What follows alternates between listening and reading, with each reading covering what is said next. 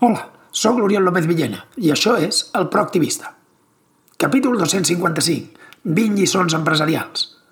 Els meus clients reben cada mes un missatge on hi comparteixo idees i experiències que extrec de la meva feina ells i avui m'agradaria compartir-ne les darreres 20 amb tu.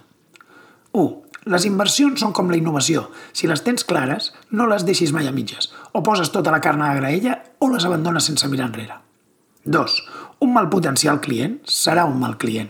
Si els teus comercials veuen un potencial client que ja posa problemes a l'inici de la relació, el més probable és que segueixi així quan sigui client. 3. Si dubtes si has d'acomiadar un treballador, fes-te dues preguntes. El tornaries a contractar sabent tot el que saps avui? I si demà et digués que marxa, et suposaria un problema greu? Si la resposta a alguna d'aquestes preguntes és no, llavors és que no és el treballador adequat. 4. De 0 a 10, com de probable és que ens recomanis a la teva família, amics, clients o proveïdors?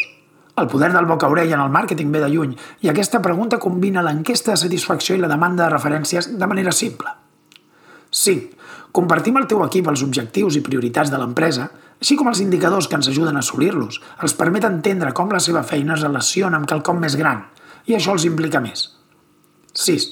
Mai cap client meu s'ha penedit d'haver invertit en automatitzar processos productius, comercials i administratius. L'augment de la capacitat incentiva la cerca d'oportunitats comercials. 7. Explicar històries d'èxit dels teus clients utilitzant els teus productes no només t'ajuda a vendre, sinó que et permet orientar l'equip a allò que aporta més valor. 8. Fes un organigrama de la teva empresa i esborra-te'n.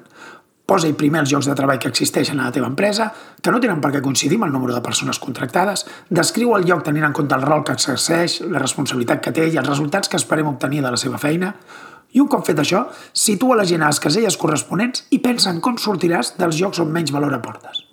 9. Educar els teus clients a utilitzar els teus productes i serveis els ajuda a obtenir més valor dels mateixos i, per tant, a fidelitzar-los i convertir-los en recomanadors proactius. 10. Deixar anar oportunitats no interessants és una bona manera de centrar els esforços en aquelles oportunitats que de debò valen la pena. La por a perdre sempre és mala consellera. 11. Les comunitats són el futur dels negocis. Participa en aquelles a les que tinguis accés i creen de noves amb clients, proveïdors i col·laboradors. 12. Calcular correctament el cost de producció és bàsic per a poder posar un preu per al màxim benefici.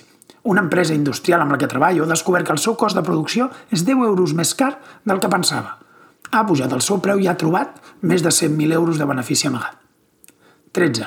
Els potencials clients estan més accessibles que mai gràcies a la tecnologia, ja que és més fàcil que un comprador accepti una reunió per Zoom que una visita comercial.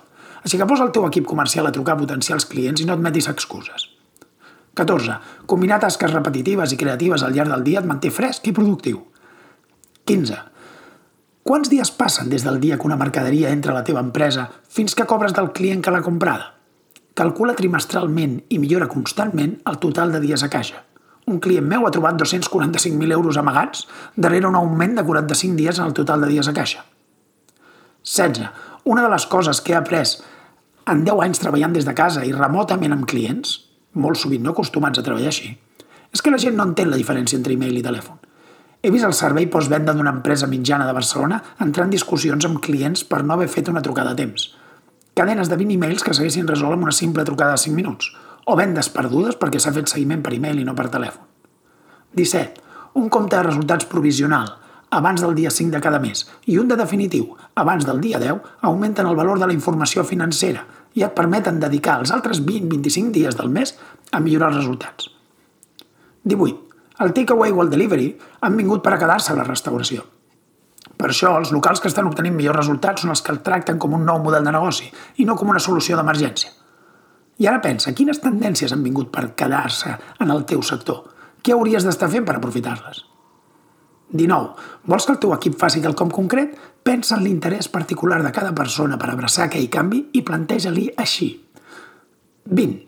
Una reunió diària, 10-15 minuts, amb tot l'equip directiu, redueix interrupcions, millora la comunicació entre departaments i crea compromís amb l'acció.